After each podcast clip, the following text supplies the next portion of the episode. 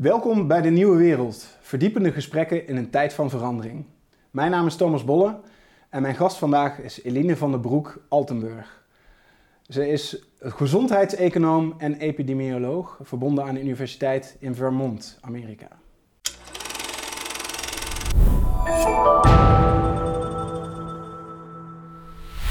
Welkom Eline. Ja, dankjewel. Jij bent net geland weer in Nederland. Ja, klopt. Ja, vanuit JFK uh, weer terugvlogen. Ja. Mooi dat je hier bent. Wij gaan het hebben over wetenschap in tijden van corona. Ja. En de wetenschappelijkheid van het coronabeleid. Wil je eerst wat vertellen over wat, je, wat jij doet in Vermont en uh, wat, wat jouw verschillende vakgebieden uh, zijn waar je mee bezighoudt? Ja, nou, ik ben dus uh, gezondseconoom en um, epidemioloog, biostatisticus. Um, normaal gesproken um, als uh, wetenschapper hou ik me vooral bezig met um, uh, gedragseconomische vraagstukken in de gezondheidszorg. Dus uh, patiëntenkeuzes, ja, hoe, hoe, behandelingen, wat voor effect die hebben op, op klinische uitkomsten. Daarnaast ben ik in ons ziekenhuis Chief Scientific Information Officer. Dus ik hou me bezig met de datastroom in het ziekenhuis. En ik adviseer ons management wat voor data wij precies nodig hebben om wetenschappelijke vragen te kunnen beantwoorden. Oké. Zo, dat kan ja, even snel druk leven, ja. maar je werkt dus veel ook met, met, met, met cijfers. Ja. Um, ana maakt analyses Ja. over, over beslissingen in het ziekenhuis. Ja, exact. Ja, en dan met name um, als we een interventie hebben in het ziekenhuis of een, uh, ja, een, een nieuw soort behandeling, dan kijken we van wat voor effect heeft dat uh, op vers- diverse, dus klinische uh, effecten, maar ook tevredenheidseffecten van patiënten, maar ook kosteneffecten. Dus, en het laatste is waar ik me vooral mee bezig hou. Dat is ook vanuit als, als gezondheidseconoom Ja. kijk je uh, wat zijn de effecten van een behandeling en hoeveel kost het. Ja, exact. En vanuit uh, die rol ben jij ook het coronabeleid al, al ja, anderhalf jaar Ja. aan het volgen. En, uh, we hebben elkaar al, al eerder gesproken, nou, minstens een, ja- een jaar geleden. Toen we in de eerste lockdown zaten. En toen had jij ook een artikel geschreven waarin je zei, nou, die kostenafweging van wat we nu aan het doen zijn, kosten-baten-analyse. Ik weet niet zo zeker of dit nu uh, verstandige uh, uh, beslissingen zijn. In ieder Ja. geval zijn ze uh, uh, niet in lijn met hoe wij normaal uh, dit soort afwegingen Ja, maken. exact. Nou ja, wij als gezondseconomen kijken we dus inderdaad altijd naar eh, de effectiviteit van, eh, van bepaalde beslissingen. Um, en dan kijken we met name dus naar de klinische uitkomsten en de kosten. Um, en ja, bij, bij het corona-vraagstuk mocht je in het begin eigenlijk al heel hard op um, afvragen van uh, wat, wat meten we dan precies? Hè? Wat meten we dan uh, alleen maar de corona-gevallen of meten we het aantal doden? Of, maar kijken, of kijken we bijvoorbeeld ook naar nevenschade en rekenen die mee? En binnen gezondheidseconomie um, is daar heel veel discussie over geweest in de internationale literatuur over hè, neveneffecten zoals mentale gezondheidszorg. Um, uh, ja, andere economische effecten, moeten we die wel of niet meewegen in die, in die afweging? Um, dus ik heb met collega's daar heel veel uh, studies naar gedaan. Mhm. Ja.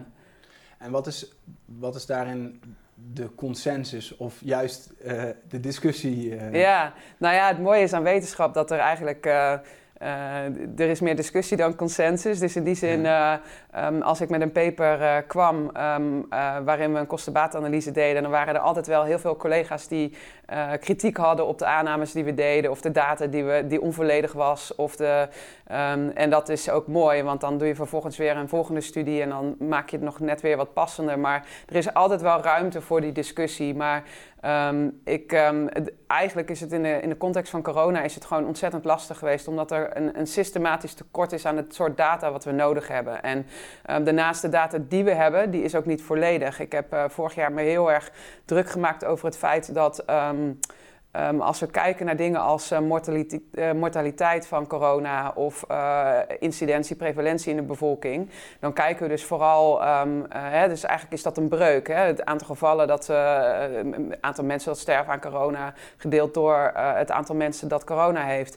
Maar eigenlijk weten we vanaf het begin van de coronacrisis niet exact hoeveel mensen nou precies corona hebben of hebben gehad. Mm. we doen geen serologische testen meer, dus we weten niet precies hoeveel mensen er met asymptomatische... Heel veel medische dus, dus Ja. we- dat is het meten van of mensen corona hebben gehad en of ze antistoffen Ja, hebben. hè, exact. Ja. test. Ja. En ehm, ja, we- de studies die we daarna hebben gedaan eh, in de VS bleek eigenlijk dat het, ehm, eh, een van de studies eh, die ik heb geleid bijvoorbeeld, bleek het, het zesvoudige aantal mensen antistoffen te hebben dan wat we in de testen konden terugzien.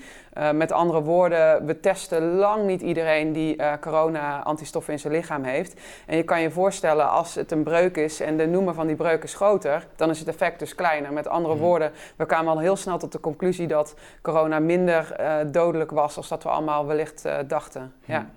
Dus we, er is veel onzekerheid. heel veel onzekerheid. Ja, En Ja. dat, is ook, dat is ook een van de punten, hè, van dat, dat die onzekerheid hoort ook bij wetenschap. Ja. Dat die discussie is, is, zegt het net al, dus als je een onderzoek publiceert, is er weer eh, nog meer discussie. ja En daar leer je ook weer van en dan Ja. kom je verder. Want, exact. want Ja. hoe, als je, als je die, die wetenschap eh, moet beschrijven en, en hoe, hoe je dat eh, toepast, wat daar belangrijk is in, in het zuiver toepassen van wetenschap. En als je dan kijkt naar de ehm, manier hoe dat is toegepast bij de analyses van wat corona doet en, en hoe we daarop eh, moeten re- reageren als samenleving, zie je daar dan een, eh, een, een switch en, en wat, wat zijn dan de belangrijkste eh, punten daarin?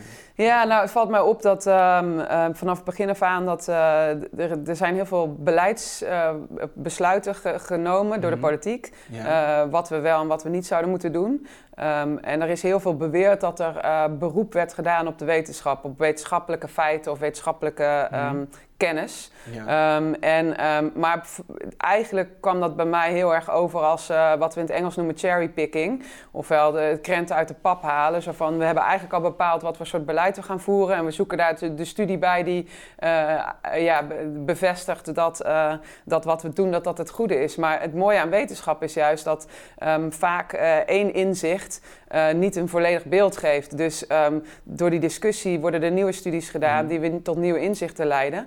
En ehm, ik vind de citaten die. ehm, ik, ik noem even een voorbeeld. Hè. Wat is nou precies het effect van het dragen van mondkapjes? Daar zijn niet zo gek veel studies naar gedaan. Zeker niet vanuit eh, klinisch oogpunt. Hè. Wat gebeurt er nou precies met die druppeltjes? Maar belangrijker nog de gedragseffecten. Ik heb zelf een studie geleid eh, naar de gedragseffecten van het dragen van mondkapjes. Zowel in de VS als in Europa. En ehm, daaruit bleek bijvoorbeeld dat ehm, mensen die mondkapjes hadden, meer contact hadden met andere mensen dan mensen die geen mondkapjes droegen naast hun werk.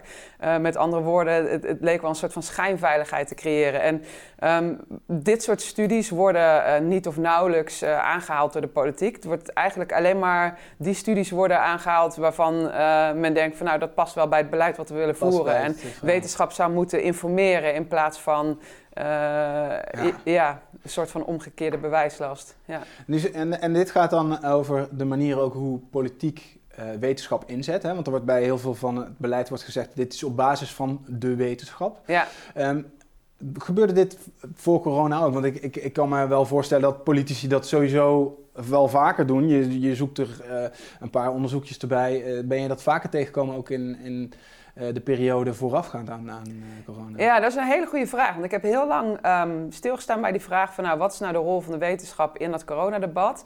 En vooral dan terug naar die vraag van welke rol speelt de wetenschap überhaupt als het gaat om beleidsvorming en Ja. politiek? En ehm, we hebben natuurlijk eh, in Nederland eh, de, de eh, ehm, Raad voor het Regeringsbeleid, de WRR.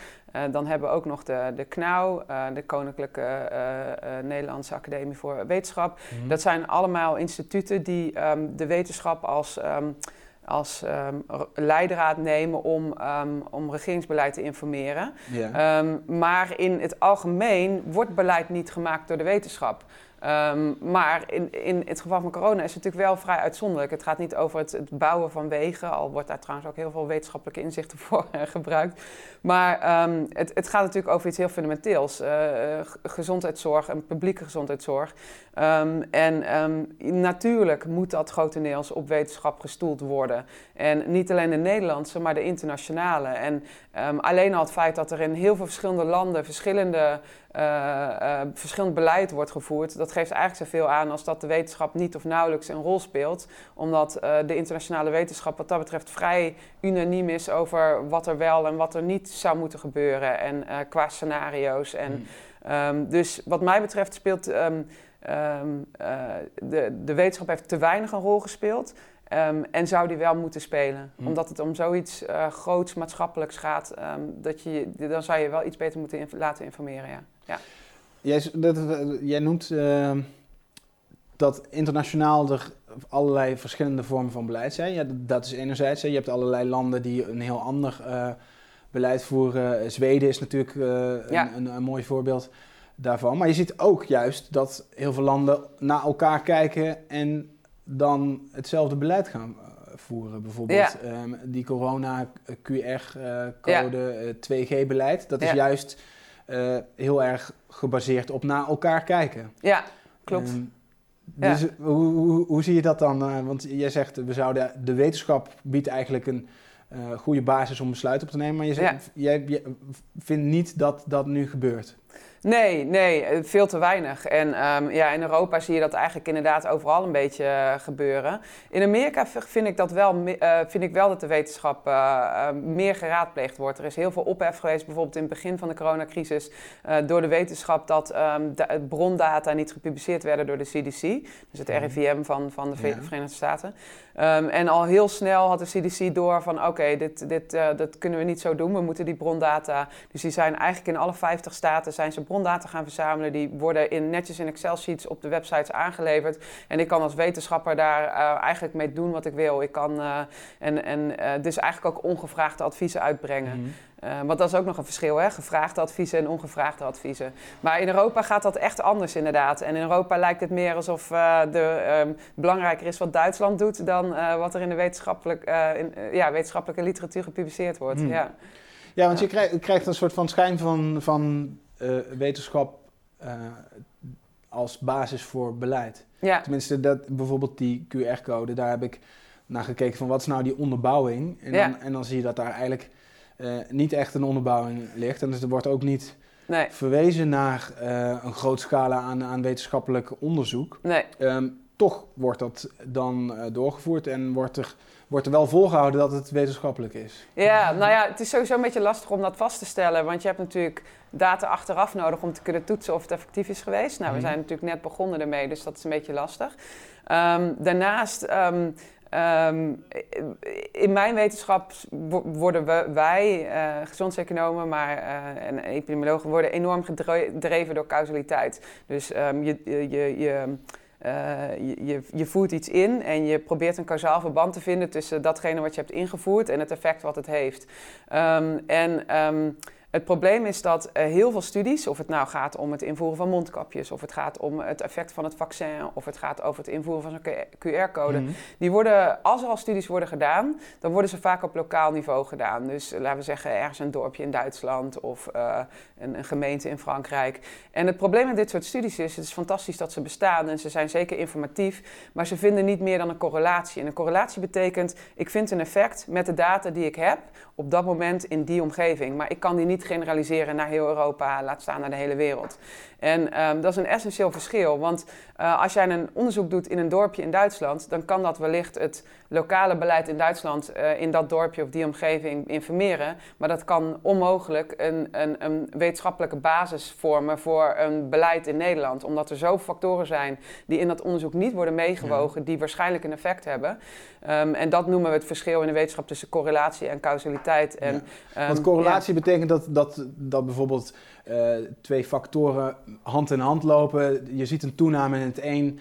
Uh, en, dat, en dan zie je ook een, een afname of een toename in het ander. Bijvoorbeeld ja. als, als er een lockdown is, neemt het aantal besmettingen af. Ja, en, en in, in, in dit soort studies zou, kan je dus ook um, uh, andere factoren constant houden, waardoor mhm. je een puur effect meet van die maatregelen op, op het aantal ja. besmettingen. Maar het probleem is dat die omgevingsfactoren, die zijn heel lastig uh, um, ja, buiten te sluiten. Dus um, er zijn waarschijnlijk heel veel factoren en er zijn heel veel revue gepasseerd. Hè?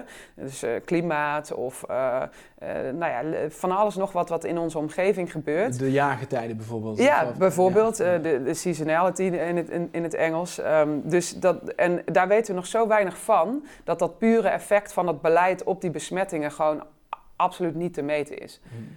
Ja. En dan gaat het om causaliteit, dat wil je eigenlijk aantonen. Je wil weten of um, die afname van besmettingen ook komt door die maatregel. Exact, ja. Nou kunnen we, nou, nou heb ik een negatieve scenario, hè, van er zijn al die factoren die we niet kunnen meten, maar er zijn heel veel dingen die we wel kunnen meten. En dat zouden wij wetenschappers heel graag willen meten natuurlijk. Mhm. Ehm, en daar hebben we data voor nodig. En dan kom je op het volgende punt.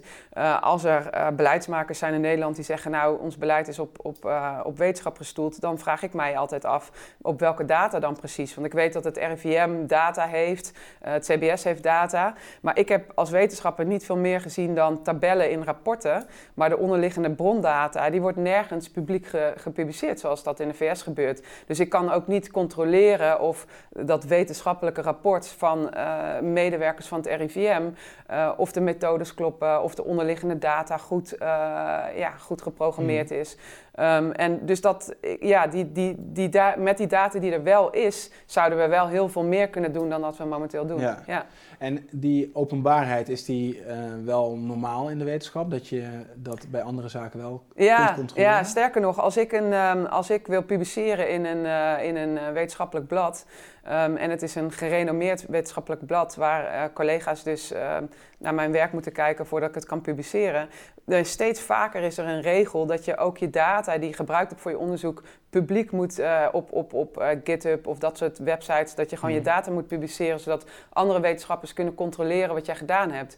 Uh, want anders kan ja, iedereen roepen, ik heb hele speciale data en ik heb daar een model op losgelaten en kijk, dit is wat eruit komt. Maar ja, de wetenschap is juist ook een stukje dat je elkaar kan, kan controleren en daar een discussie over kan voeren. Ja. ja.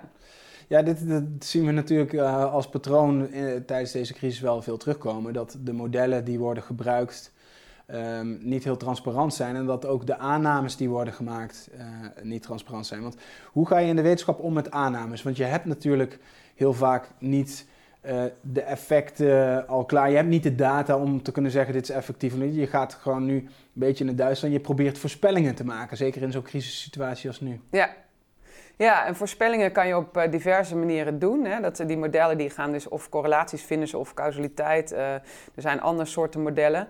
Um, maar die, eigenlijk begint alles met een vraag. De, en de vraag is in dit geval, heeft een bepaalde maatregel effect op het aantal besmettingen? Um, en dan vervolgens um, heb je daar een hypothese over. Van nou, ik denk bijvoorbeeld dat dat beleid effect heeft. en dan ga je die hypothese testen. En die hypothese die test je met data. maar die data is vaak niet volledig of, um, of het, is maar, het vertelt maar een stukje van het verhaal. Dus dan moet je vervolgens dat aanvullen met een aantal aannames. Namelijk, uh, ik ga ervan uit dat dit... Um, Um, ja, dat dit een, een, een 20% van de bevolking betreft. Of ik ga ervan uit dat de omgevingsfactoren constant zijn. Of, nou, ik noem maar op, dat kan van alles nog wat zijn. Maar je kan je dus voorstellen dat je dan vervolgens laat je daar een model op los. En dan komt daar een conclusie uitrollen. Um, maar om die conclusie... Um, ja, om, om daar um, verstandig mee om te kunnen gaan, moet je eerst teruggaan naar die aannames en met elkaar een discussie voeren over waren die aannames nou wel zo. Hè, hebben we consensus mhm. over of die aannames nou precies kloppen? En dat is in het uh, wetenschappelijke corona-debat um, uh, helaas niet, vaak mhm. niet het geval. En hoe ondervind je dat? Want die ruimte is er normaal wel om te discussiëren over ja. uh, de resultaten van onderzoek, ook ja. over de aannames die, die zijn gemaakt en ook bij te sturen op basis van van nieuwe gegevens. Ja, nou ja, en dat, dat, dat doet ons wetenschappers. Uh, hè, want ik zit nu hier, maar ik werk met veel collega-wetenschappers hier in Nederland. En die, um, um, dat, dat doet ons zelfs een beetje hardop afvragen wat de coronacrisis eigenlijk voor effect heeft op de, de, de basisafspraken die we met elkaar hadden gemaakt in de wetenschap. Want dit soort principes waren heel normaal voor corona.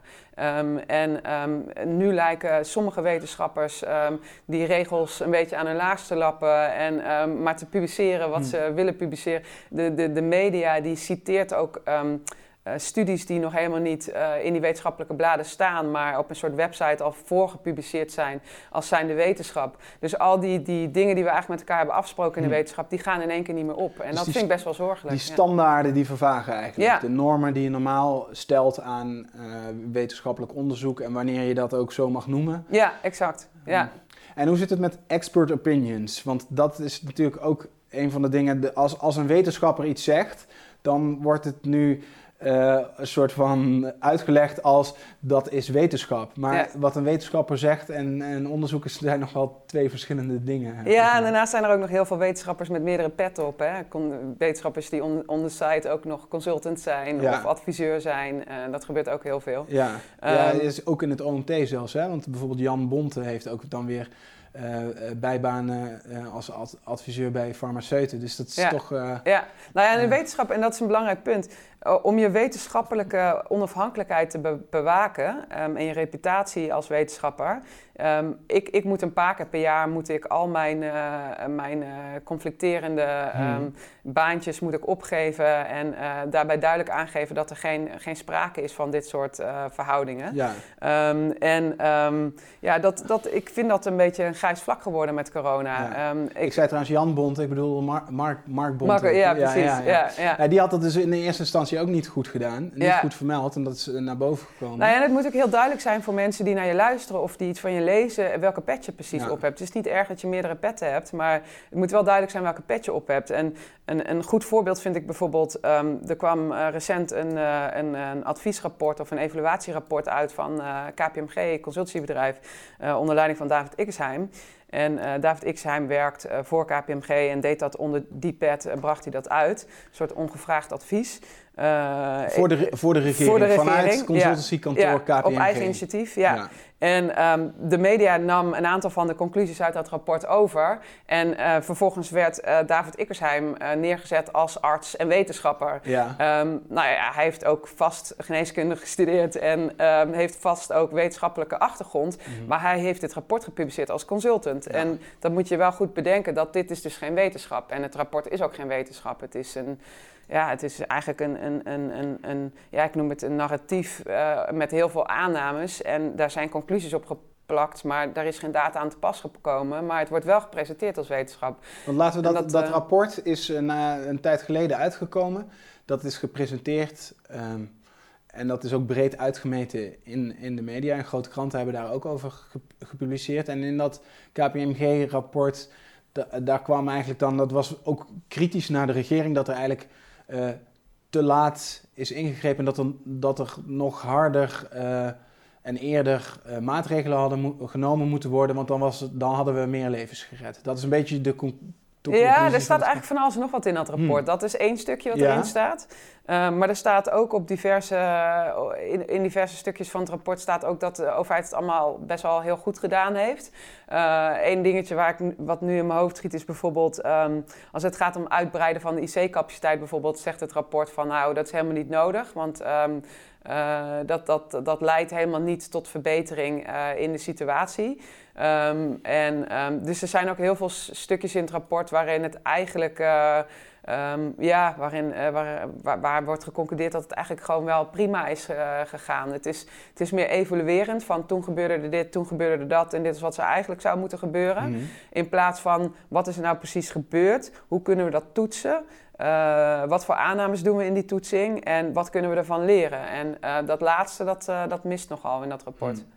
Ja. En dat rapport heeft wel uh, die statuur van een, een wetenschappelijk advies. Ja, ik, ik zeg steeds maar bij gebrek aan beter, denk ik. Want uh, de wetenschap wordt niet uitgenodigd door Den Haag om uh, het licht te laten schijnen van hier is de data van maak er eens een, een, een zinnig verhaal van.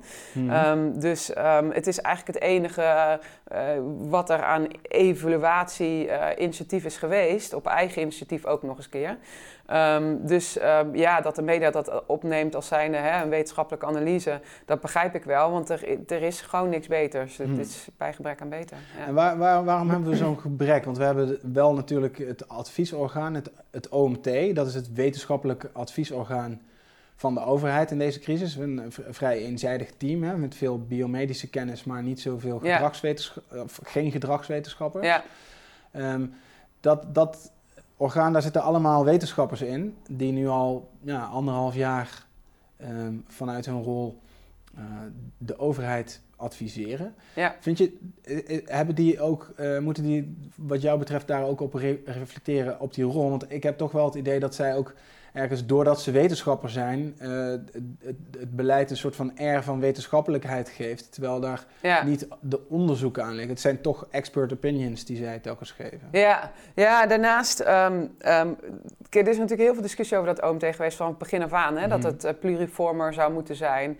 Um, sowieso, wetenschap is is pluriform. En het is ook heel belangrijk dat er een pluriforme aanpak is. Dat er uh, een interdisciplinair team is van verschillende vakgebieden die um, naar eenzelfde vraagstuk vanuit verschillende achtergrond kijken. En waarom is dat zo belangrijk? Omdat corona meer is dan alleen maar uh, gezondheidszorg. Hè, het, het, is inmiddels is het, uh, het is banen, het is mentale situatie van mensen, het is sociaal-economische kwesties. Het is zoveel meer dan alleen gezondheidszorg of alleen zelfs binnen de, de medisch-klinische wetenschappen, um, een, een viroloog en een epidemioloog die worden vaak uh, in het debat met elkaar verward. Maar het zijn twee totaal verschillende, uh, qua, qua opleiding, mensen met totaal verschillende achtergrond. Um, en uh, of iemand fulltime in een lab staat, of, iemand fulltime naar data kijkt van bevolkingen. dat zijn nogal verschillende aanpakken. Dus um, medisch-klinisch gezien zit er nog wel iets van diversiteit in het OMT. Um, maar daarbuiten eigenlijk niet. En dat is ook de grote kritiek geweest vanaf het begin inderdaad. Van waarom wordt er niet bijvoorbeeld een gezondheidseconoom uitgenodigd die ook kijkt naar de kosteneffecten van de maatregelen. Waarom wordt er niet ook inderdaad een gedragswetenschapper van wat zijn de gedragseffecten van dit soort maatregelen? Um, ja, en, en ga zo maar door. Ik, ik, um, ik zit zelf, uh, kijk, buig ik met een, een wel pluriform wetenschapsteam naar een aantal vragen. En ja, ik vind het toch interessant soms hoe bepaalde beta-wetenschappers in mijn uh, groep um, toch heel anders naar stukken kijken dan, uh, dan de, de gedragswetenschappers. Mm. Ja, en ja. Dat, is ook, dat is ook goed, dat is ook belangrijk. Ja. En is het, jij zegt er zijn uh, uh, weinig wetenschappers uitgenodigd om advies te geven. Ja. Maar komt er vanuit de wetenschap zelf wel genoeg advies of, of in ieder geval onderzoek dat met verschillende brillen naar dat, ja, dat beleid kijkt en wat er nu gewoon gebeurt in onze samenleving? Ja, in de internationale literatuur wel. Er, er mm. komt van alles nog wat komt eruit. Um, in Nederland gewoon niet. Eigenlijk heel weinig. Um, om de simpele reden dat, en dat is eigenlijk een probleem al van voor corona. Um, de Nederlandse overheid is, is gewoon niet heel goed in het delen, het publiek maken van data. En dat was altijd onder de noemer van privacybescherming van persoonsgegevens. Want we hebben daar hele strenge wetten over in Nederland. Um, en dat is prima, hè? daar zijn denk ik ook veel mensen voor.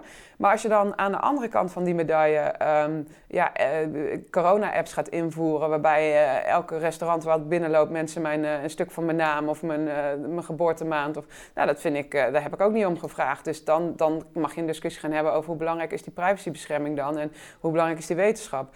Um, er zijn heel veel wetenschappers in Nederland die veel meer zouden willen doen, zelfs um, onbetaald, gewoon omdat ze het belangrijk vinden die maatschappelijke bijdrage te kunnen leveren. Mm. Uh, maar we hebben niet de handvaten uh, om die onderzoeken te kunnen doen. We worden ook niet uitgenodigd aan die discussietafel.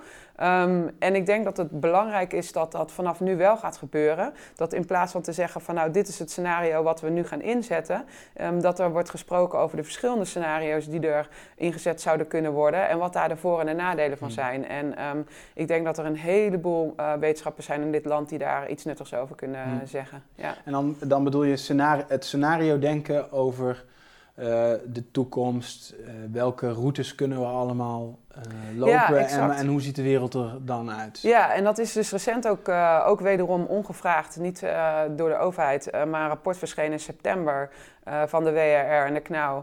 Uh, dus de, de Nederlandse Academie van de. Ja, uh, precies. En die, um, ja, die hebben eigenlijk, uh, ja, die zeiden eigenlijk heel beknopt wat ik, wat ik net ook zeg. Um, er is een, um, een, een, strategische aanpak nodig. En zij mm. schetsen, ik geloof, vijf verschillende uh, scenario's van uh, worst case scenario tot uh, best case. En best case is dan we gaan terug naar normaal en het valt allemaal wel mee. En worst case is het wordt steeds dodelijker en we moeten steeds meer ingrijpen. Um, en, um, maar het belangrijk is, en dat blijkt ook uit hun rapport, dus dat wordt ook breed gedragen in de wetenschap, is um, dat je een afwegingskader hebt. Dus dat je politici, wetenschappers met elkaar in gesprek zijn over welke, welke aspecten moeten we wegen en hoe, hoe groot moeten we die wegen. Hoe, hoe ziet dat afwegingskader eruit mm. en hoe verandert dat door de tijd heen? Want corona ontwikkelt zich, dus we moeten onze strategie daar ook in aanpassen. Ja, ja. En, en wat zou dan nu bijvoorbeeld zo'n afwegingskader uh, kunnen zijn? Ja, nou, het is. Uh, ik, ik, moest, ik moet wel een beetje lachen, want een van de scenario's die uh, in dat rapport wordt beschreven is een, een, scenario waarin vaccinaties überhaupt geen effect hebben. Nou, dat is natuurlijk in de, in de ogen van onze minister van Gezondheidszorg ondenkbaar, want vaccinatie is voor hem de oplossing van alle problemen. Um, maar um, um, nu is het zo dat het scenario is, we weten uh, met vrij grote zekerheid dat, het vaccinatie, dat vaccinaties een beetje effect hebben, of in ieder geval een, een gering effect hebben op het aantal besmettingen. en met name onder risicogroepen uh, in de bevolking. dus ja. En dit, er zijn uh, groepen van mensen die al een jaar lang daar veel over zeggen ik denk dat een scenario wat nu ingezet moet worden, nog steeds ingezet moet worden op um, het scenario, um, het beschermen van kwetsbaren en het, uh, um, het, het zoveel mogelijk uh, normaliseren van uh, niet-kwetsbaren. En, hmm. dus dat is want maar er lopen nu twee, twee dingen, want het, we hebben het over het beschermen tegen ernstige ziekten. Dat is voor die kwetsbare ja. groepen. En ja. je praat over besmettingsaantallen en dan ja. gaat het juist over transmissie van het virus. En daar, daar werkt dat vaccin ook verschillend op? Nou ja, dat is het. Um, er wordt nu een, een, een, een, um, een traject ingezet met vaccinaties, de oplossing van al onze problemen. Maar we zien eigenlijk nu al, daar hoef je niet eens uh, wetenschappelijke data op los te laten, dat dat niet het geval is. Want er zijn nog steeds heel veel besmettingen. Uh, we weten nu inmiddels dat het vaccin niet zo, uh, niet zo beschermend is als mm -hmm. dat we dachten. Um, dat er ook een, een, een, een klok op, op zit. Um, en um, dan moet je dus um, veel meer gaan denken in termen van midden- en lange termijnsoplossingen. Ja. In plaats van het, het, de strategie is nu inzetten op zoveel mogelijk vaccineren. Want dan komt de onherroepelijke vraag: wat is dan de volgende stap? Ja. Ja, ja nou, nu is lange termijn denken sowieso de hele tijd ver weg geweest tijdens deze crisis. We hebben ja. telkens heel ad hoc van moment naar moment uh, gegaan. En hè, er is al heel lang een roep van: hey, breng nou perspectief in, in dit beleid en, en denk na over die lange termijn. Ja. Um, dan kan je dus aan verschillende scenario's denken. En we weten inmiddels weer meer dan anderhalf jaar geleden. En we weten ook weer meer dan, dan een aantal maanden uh, terug. Ja. Hoe kan je dan op een wetenschappelijke manier die scenario's uittekenen en dan een politieke keuze vervolgens maken over wat dan de, de beste opties zijn? Ja, Um, nou ja, gelukkig uh, zit ik niet in de politiek, dus die politieke nee. opties, uh, dat... dat uh, maar die scenarioanalyse, dat is eigenlijk helemaal in het begin ook al gedaan. er kwam een, een simulatierapport uit van een universiteit in de Verenigd, Verenigd Koninkrijk. al heel vroeg in de pandemie, ik geloof maart 2020, april. Um, en um, zij simuleren eigenlijk op basis van de data die ze hadden van... Uh, als de aanname is dat het uh, heel snel gaat, dan komen we uh, ongeveer daaruit. Als, het, als we simuleren, dus dat betekent we doen alsof we, we zetten de lijn van de da data op een bepaalde manier verder, dan komen we ongeveer daaruit. Um, en um, dat zijn voorspellende modellen die gebaseerd zijn op data van, van de afgelopen maanden of het afgelopen hmm. jaar. Um, en die dan um, kijken naar de toekomst van wat is waarschijnlijk dat er gaat gebeuren. En, um, en dan, dan varieer je dus in die aannames. En dat is eigenlijk wat scenarioanalyse is. Dat je hmm. dus uh, een beetje aan de knoppen draait wat betreft die aannames. En hoe, hoe is dit anders dan bijvoorbeeld wat, de, wat het RIVM doet? Want die maken ook dit soort modellen met verschillende uh, scenario's. Ja, nou ik heb bij uh, het RIVM altijd een beetje zo'n omgekeerde aanpakgevoel van... we bepalen eerst wat het beleid is en dan gaan we kijken of we een model kunnen waarin we kunnen laten zien dat dat de beste manier is. Uh, misschien heb ik het verkeerd, maar goed, het RIVM is niet heel transparant in uh, ja. hoe, ze, hoe ze dat aanpakken.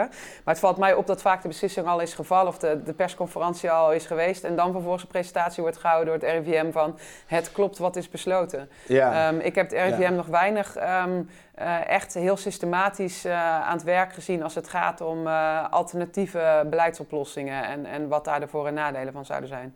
Hm. Ja. ja, die observatie, ik zit nu na te denken, ja, die op, de observatie, die, die heb ik ook wel, dat, dat je toch vaak, ik heb in ieder geval, kan me niet uh, uh, nu herinneren dat, dat uh, Rutte iets zei van beleid en dat het RIVM dan een maand later met een rapport kwam waarin ze eigenlijk het alternatieve scenario nee, toch een betere optie was ja, geweest. Exact. Dus die, die organisaties zitten heel dicht bij elkaar. Ja. RIVM is natuurlijk ook onderdeel van de overheid en andere wetenschappers kunnen die data en die modellen niet, niet controleren. Niet controleren. Dus dat is, dat is een van de dat is eigenlijk het grootste bezwaar. Het grootste probleem. Want je zou die data wel willen hebben, zodat je die controle krijgt. Ja, exact. Een stukje wetenschappelijke vrijheid ook om daar naar te kijken en uh, alternatieven voor te stellen. En wat de politiek daar dan vervolgens mee doet, mm. uh, is een tweede. Maar, ja. En is die ruimte er binnen de universiteiten wel om dat te doen? Want daar zit natuurlijk ook, ja. ja. toch in deze tijd... ja, dat is een hele goede vraag. Ja, zeker. Um, nou ja, de, de, uh, ik, ik merk van collega's in Nederland, uh, ik heb dan de luxe dat mijn aanstelling in de VS is nog. Um, maar um, ik, ik begrijp wel van collega's in Nederland dat dat steeds moeilijker is. Die wetenschappelijke vrijheid is er steeds minder. Um, nou kan je ook niet als wetenschapper maar leuk onderzoeken waar je zin in hebt. Er moet wel iets van een, uh, een strategie achter zitten. Maar dit zijn wel dingen die toevallig wel in mijn vakgebied heel erg in mijn straatje liggen. Dus het is heel voor de hand liggend dat ik dit soort vraagstukken zou, uh, zou onderzoeken. En, en collega's in Nederland ook. Um, maar dat, um, ja, dat, er wordt steeds meer druk gezet, ook vanuit um, uh, ja, managementlagen uh, op universiteiten. En dat, dat doet ook wel een denk ik veel diepere vragen uh, ja, opkomen. En dat is uh, hoe onafhankelijk is die wetenschap eigenlijk nog? En wat voor rol speelt die in het maatschappelijk debat? En um, als wetenschapper, ik heb zelf een bewuste keuze gemaakt om van de politiek en het bedrijfsleven terug te gaan naar de wetenschap. Met het idee van er is een stukje wetenschappelijke vrijheid. Ja, als die er niet meer is, wat is dan eigenlijk nog de rol van onze universiteiten? Is dat alleen nog maar um, uh, opleidingen en, en studenten uh, ja, papiertjes uitdelen? Of is er ook nog een stukje ruimte voor um, nieuwsgierigheid en vragen mogen stellen en en daar verder in komen. En um, ja, ik, ik vind dat vrij zorgelijk, dat proces in Nederland. Ja, want die fundamentele vrijheid is natuurlijk heel belangrijk om ook dingen te kunnen onderzoeken die misschien in strijd zijn met uitgestippelde routes of beleid. Ja. Um, ja. En eh, welke rol speelt geld hierin en de financiering van onderzoek? Ja, een hele belangrijke. Ja. En dat is ook het grote contrast met uh, de Verenigde Staten uh, wat mij betreft. Um, in Nederland is het zo dat um, universiteiten vrij strikt gebudgeteerd worden. Hè. We weten dat er al jaren niet echt heel veel geld gaat naar het onderwijs. Zowel onderwijs als onderzoek op universiteiten. En in mijn vakgebied weet ik dat heel veel onderzoek wordt ge geoormerkt. dus de overheid geeft een universiteit een opdracht om iets te onderzoeken. vervolgens wordt dat onderzoek gedaan. Um, maar dan zit je eigenlijk in datzelfde probleem. Die, die data wordt vaak niet publiek uh, gemaakt. Dus het, um, voor mij als wetenschapper uh, dan in de VS kan ik mijn collega's in Nederland niet controleren, want ik heb geen toegang tot die data. Um, en um, ja, dat, dat, de, de, ja, wetenschappers zijn steeds meer afhankelijk van waar het geld zit. Dus dat is in toenemende mate ook de mm. private sector. Uh, farmaceuten, andere bedrijven, die dus daar waar, waar voorheen een wetenschapper werd gezegd van nou, zorg dat je invloed hebt in je vakgebied, maar je hebt vrij veel vrijheid in de vragen die je mag stellen. Ja, dat is, uh, die, dat is niet meer. ja. ja. ja, en dan krijg je natuurlijk ook en niet eens dat er, dat er slecht wet, wetenschappelijk onderzoek wordt gedaan, maar ook dat er gewoon heel veel onderzoek in een bepaalde richting wordt gedaan. En dat andere uh, gebieden gewoon in het donker blijven. Ja, uh, exact. Ja. En nu zie je dat met die vaccins bijvoorbeeld. Ja. Pfizer heeft natuurlijk veel geld om en een belang om aan te tonen dat hun vaccins op een bepaalde manier werken. Het liefst wel dat, dat ze uh, goed genoeg zijn om te gebruiken, maar wel over zes maanden ja. Dat, dat is het, in ieder geval het commerciële ja. uh, prikkel. Nu, nu, nu, hoop ik dat dat, dat uh, wel gescheiden wordt van het onderzoek. Alleen zij financieren dan ook die onderzoeken. En dat, ja, daar zit toch wel een. Uh, ja. Daar moet je wel heel scherp op zijn dat die belangen niet door elkaar uh, gaan. Nou, en ik heb ook gemerkt dat het, uh, het is als je iets publiceert wat, wat minder um, populair is qua conclusies. dan is het ook gewoon echt lastiger om te publiceren. Want mm. um, de manier waarop je in een wetenschappelijk blad publiceert, is je collega's worden gevraagd om daar met een kritisch oog naar te kijken, daar feedback op te geven.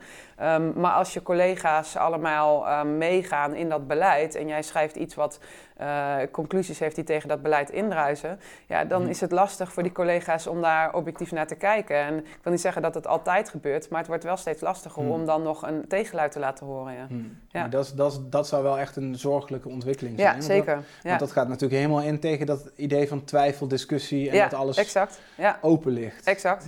Ja, en dat is dus ook hoe wij uh, als groep uh, wetenschappers um, in Nederland bij elkaar zijn gekomen. En nou ja, we hebben ons niet formeel georganiseerd, maar we komen steeds meer op uh, sociale media met een hashtag transparante wetenschap en hashtag pluriforme wetenschap. Om, om andere wetenschappers op te roepen van okay. wat vinden jullie hiervan? zijn wij de enige of, of, of zijn er hmm. meer wetenschappers die nu niks zeggen, maar hier ook wat van vinden? Okay. Dus je hebt het wel een, een boel collega's die net als jij zich eigenlijk wel zorgen maken over die, die ruimte voor echte wetenschap, twijfel. En, ja, exact. ja. En dat is een hele brede groep. En uh, ja, heel inspirerend, zoals wetenschap bedoeld is. Dus, uh, ja. jullie hebben wel veel discussie. Ja. En hoe, hoe, zit dat, hoe dicht zit dit dan tegen beleid? Want je wil eigenlijk, we hebben het over wetenschap.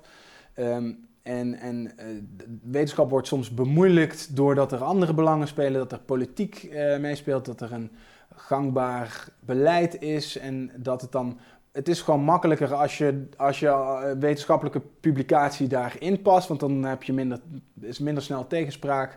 Ja. Uh, wordt het ook groots uh, aangehaald. Dus er zit ook een incentive in om dan misschien bepaalde resultaten te vinden. Hè? Dus je wil dat, wil dat zuiver houden. Ja. Maar toch ontkom je er niet aan dat, dat, dat politiek gebruikt natuurlijk altijd die, die rapporten, die, die onderzoeken. Hoe, hoe, hoe, zie jij die scheiding voor je en hoe, hoe, kunnen we die beter bewaken? Ja, nou, ik, ik ben misschien een beetje een bijzonder geval. Want ik, uh, ik heb 15 jaar geleden ben ik afgestudeerd politicoloog. En ik heb vervolgens 10 jaar in de politiek gewerkt in Den Haag en oh. Brussel. Um, en ik heb dus zelf um, eerst heel erg in die, in die politieke wereld gewerkt. En heb besloten uiteindelijk om terug te gaan naar de wetenschappen. Omdat ik me te veel stoorde aan de steeds terugkerende retoriek in de politiek. En... Uh, uh, juist vond dat met nieuwe feiten ook nieuwe conclusies moesten komen. Ik ben zelf ook veranderd in hoe ik over een aantal dingen kijk in de gezondheidszorg bijvoorbeeld. Um, en, um, maar ik ben wel als wetenschapper daardoor um, heel erg gedreven, wel door die beleidsvragen van uh, waarom willen we dit weten? En, en als ik iets gevonden heb in de data, dan heb ik natuurlijk wel een interesse om dat uh, te kunnen vertellen aan iemand die de beslissingen maakt in de hmm. politiek. Um, niet alle wetenschappers zijn zo hoor. Ik ken genoeg wetenschappers die um, ja, echt gedreven zijn uh, door de wiskunde en niet wat daar vervolgens mee hmm. gedaan wordt.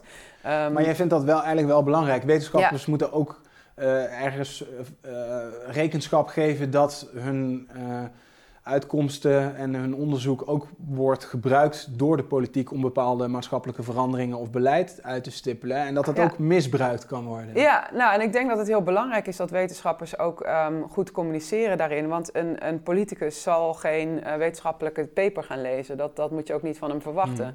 Dus je moet wel in staat kunnen zijn om uh, in een halve pagina te kunnen samenvatten van dit is de vraag, dit is waarom het belangrijk is, dit is het gat wat we opvullen, uh, wat we nog niet wisten en dit is wat we ervan geleerd hebben. En dan is het dus aan een politicus om daar een conclusie op te plakken van dus moeten we, het is niet aan de wetenschapper om dan te zeggen en dus adviseren wij jou. En daar zie je nu zo die verwatering. Je ziet dat um, die, die semi-wetenschap, uh, zo'n KPMG-rapport of, of, andere rapporten die uitkomen die als wetenschap uh, gepresenteerd worden, die komen met een beleidsadvies of met een, een, een, een gekleurde uh, um, evaluatie. Hmm. En um, een wetenschapper mag absoluut, vind ik, um, naar een politicus stappen en zeggen: luister, we hebben dit onderzocht om deze reden en dit is wat we gevonden hebben. Maar die conclusie, wat, wat je met die kennis doet, dat is aan de politicus of de beleidsmaker, niet aan de wetenschapper. En dan komt ideologie ook uh, op tafel te liggen. Ja. En gaat het ook over meer dan wetenschap alleen. Want het gaat natuurlijk in deze crisis ook heel veel over, over waarde. En, nou ja, en dat, dat vind ik zo interessant. Dat ehm, daar is een volledige verwatering plaatsgevonden. En dat vind ik, ehm, als we het nou hebben over zorgelijkheid van de, van de rol van de wetenschap, uh, misschien nog wel het meest zorgelijk. Dat die verwatering van, uh, van waarde um, uh, plaatsvindt. Dat je OMT-leden waardeoordelen hoort geven in plaats van analyses over dingen die ze uit de wetenschap hebben gehaald. Noem, noem eens een voorbeeld waarin, je, waarin jij dan eh, eh, dat, dat opmerkt en waar je van denkt, nou, dit, dit vind ik eigenlijk dat, het, dat je dat dan ook uh, of als wetenschapper niet op die manier moet zeggen, of heel duidelijk moet zeggen, dit is een waardeoordeel, dit is, dit is de persoon uh, die hier spreekt en niet per se. Uh, nou, dat zijn uitspraken in algemene zin als bijvoorbeeld um, um, het is goed. Um, Zo'n zin die al begint met het is een goede ontwikkeling of het is een, een goed idee om, nou, ik noem maar wat, uh, te gaan vaccineren. Uh, om, om massaal de bevolking te gaan vaccineren. Of um, het is, um, het is um, uh, verstandig om, om mondkapjes te dragen. Dat zijn, dat zijn verwateringen van. Als je als wetenschapper zuiver wil blijven, moet je mhm. zeggen van nou het onderzoek stelt vast dat um, voor sommige uh, uh, mensen in onze samenleving. Uh, het, dus je moet die, die nuance die moet je kunnen aanbrengen. En um, de Nederlandse taal heeft heel veel mooie bijvoeglijke naamwoorden, laat ik het zo zeggen. Yeah. Die ik OMT-leden heel veel hoor gebruiken. Dat ik me afvraag. Um, is dit nou een mening of is dit nou een, een, een, een wetenschappelijk advies? En um, met name het feit alleen al dat OMT-leden um, lange discussies aangaan op sociale media, dat wordt dan geprezen. ik, ik vind daar zelf van dat, uh, dat je weg moet blijven van het meningenklimaat en mm. moet informeren en het daar ook moet laten. Oké. Okay. Ja. Nou, we gaan het gesprek afronden, maar nu we het ja. toch over die waarden hebben. Eh, jij bent wetenschapper, maar je hebt ook uh, persoonlijke waarden. Hoe, hoe ga jij daarmee om en hoe, hoe scheid je die uh, zaken van elkaar? Ja, nou dat is lastig, want um, uh, de wetenschapper heeft vrijheid. Dus de vragen die jij stelt zijn bijvoorbeeld al gekleurd. Hmm. Um, ik um, ben zelf actief geweest in de politiek.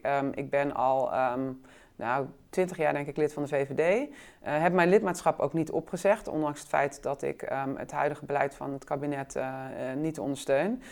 omdat ik politiek zie als iets, iets vloeiends.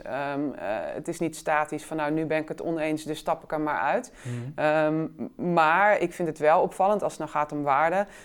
ik ben lid van de VVD. Het is de Volkspartij voor de Vrijheid en Democratie. Um, en ik vind het wel zeer kwalijk dat um, als het gaat om democratisch debat en um, vrijheid om daar zelf een oordeel over te vormen, die waarden zijn heel ver te zoeken. En ik hoop toch wel dat mijn partij in ieder geval weer teruggaat naar die uh, naar die klassiek liberale basis en zich weer herpakt in. Uh, we hadden hier voorheen discussies over en we luisterden naar verschillende mensen en op basis daarvan maken we een uh, beslissing. En um, ja, die waarden zijn erg verschoven, maar ik moet zeggen, ik, ik zie niet zoveel in het opzeggen van mijn lidmaatschap, want ik zie diezelfde waardeverwatering bij andere partijen ook. Dus ja. ja. Dus in de wetenschap hebben we te weinig twijfel en in de politiek hebben we het eigenlijk niet meer over de waarden. Ja, exact. Nou, precies dat. Ja. En um, ik zei al, ik heb dus een, uh, hier in Leiden um, uh, mijn eerste uh, master in politicologie gedaan. Heel veel politieke filosofie gestudeerd. En um, die ideologieën die, die, die bestaan, dat gaat van mhm. Platen tot nu. En die boeken die, die, die staan hier waarschijnlijk in de kast. Ja. En die waarden, die, die, die, dat, die zijn absoluut. Die, die moeten niet verwateren. Die, die staan. Um, en um, ik hoop echt dat we terug gaan naar, naar dat, dat politieke veld. Oké, okay, ja. en, en hoe uh, zijn we dan ook uh, zuiver over dit stukje is ideologie en dit stukje is wetenschap? Hoe kunnen we dat beter uit elkaar houden? Want dat, dat vind ik eigenlijk nog wel een van de moeilijke vragen, omdat je gewoon dat door elkaar ziet lopen en, ja. en daardoor ja. ja. eigenlijk, eigenlijk soms uh, ideologie wordt, wordt vermengd met een soort air van wetenschap, terwijl het gewoon echt echt ideologie Ja, dat is eigenlijk een beetje hetzelfde probleem als wanneer een politicus in één keer bewindspersoon wordt. Hè? Want Mhm. eerst zit hij dus in een fractie in de Tweede Kamer en eh, redeneert hij over het algemeen vanuit zijn ideologie. En dan wordt hij bewindspersoon en moet hij een land besturen. En dan wordt hij niet meer geacht politiek te zijn. En dat, dat, Mhm. dat werkt natuurlijk ook niet van zwart naar wit. Ja. Nou, bij wetenschappers werkt het natuurlijk ook niet helemaal zwart-wit. Maar ik denk wel dat wetenschap heel zuiver kan zijn en blijven. En ik weet in ieder geval voor mezelf dat ik dat ben. Ehm, dat je kan, ehm, je kan de data een verhaal laten vertellen. Je kan ehm, eh, het onderzoek ehm, ehm, eh, conclusies daaruit trekken. Maar wat voor besluit je daarop plakt, dat laat je aan de, aan de politiek over. Oké. Ja. Nou, het lijkt me een mooi einde van het gesprek. Dankjewel. Ja, ook bedankt.